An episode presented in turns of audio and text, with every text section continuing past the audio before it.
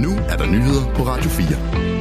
Alle tre modeller for en CO2-afgift ser vanskelige ud for landbruget, det siger Søren Søndergaard, formand for Landbrug og Fødevare.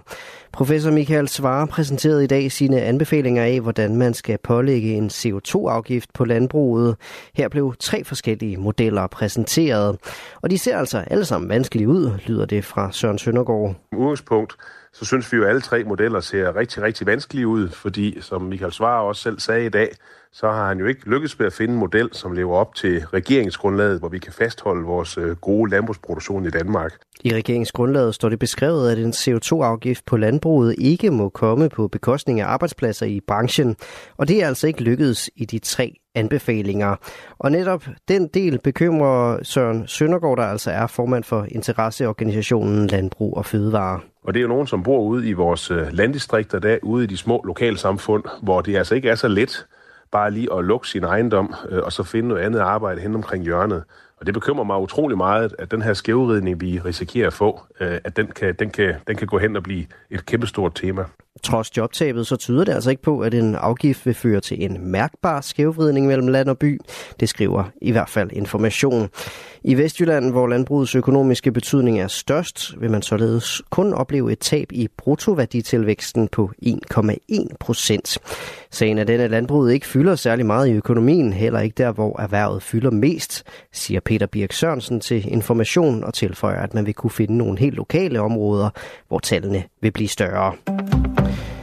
Vi skal tage truslen fra Rusland meget alvorligt, det siger udenrigsminister Lars Løkke Rasmussen efter en samtale med sin estiske kollega. Estland afværgede i går en såkaldt hybridoperation fra russisk side, det hævdede Estlands premierminister i et opslag på X, det tidligere Twitter. Det fik udenrigsminister Lars Løkke Rasmussen fra Moderaterne til at kontakte sin estiske udenrigskollega Markus Sagna, og den efterfølgende melding fra Løkke er, at vi også i Danmark skal tage truslen meget alvorligt. Han fastslår, at der ikke længere alene er tale om militære trusler, men at det i måske endnu højere grad handler om vores civile infrastruktur. Jeg har selv talt med mine estiske kolleger i dag om det, der sker i øh, Estland. Og, og, og, det, og det hører med til billedet, at det vi står overfor, det er jo ikke bare militære trusler, altså det er jo også vores civile infrastruktur, øh, det er vores øh, elkabler, det er vores digitale løsninger. Siger Lars Løkke Rasmussen i tv-programmet Lipart. Han understreger, at vi bør opruste i fremtiden. Men, øh, men der er øh, hybride trusler. Altså der bliver et kæmpe større behov for at passe på vores kritiske infrastruktur. Der bliver et øh, større øh, behov for at opruste på hele den digitale side. Og der bliver også i de kommende år et behov for at opruste det, man kunne kalde det territoriale forsvar. Det var noget, der ligesom forsvandt med Berlinmurens fald. Ikke? Der tænkte man, vi skal jo ikke på den måde forsvare vores landegrænser. Økonomiminister Stefanie Lose er her til aften blevet valgt som folketingskandidat for Venstre i Esbjerg bykredsen. Det oplyser Jan Lagune Jacobsen, der er formand for Venstre i Esbjerg, i en sms til Ritzau.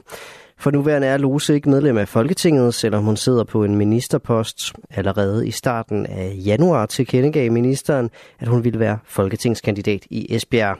Jeg synes, det er naturligt, at jeg opstiller her, hvor jeg bor og har en dagligdag med min familie, og heldigvis vil de gerne have mig her, sagde hun til DR.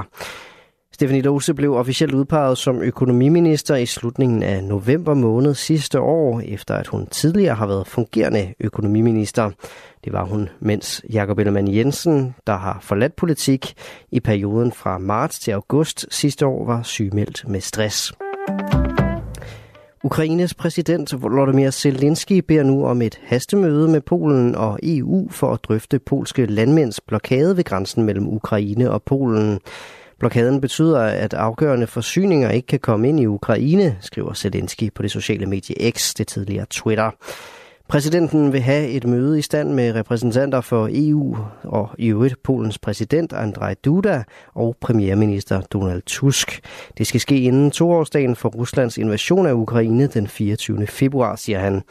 De polske landmænd er vrede over, hvad de hævder er billig fødevareimport fra Ukraine. Derfor har de gennem længere tid blokeret flere af grænseovergangene mellem de to lande for godstransport.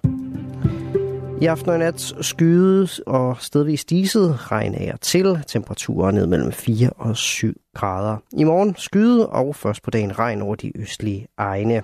Det var nyhederne her på Radio 4 med Asbjørn Møller.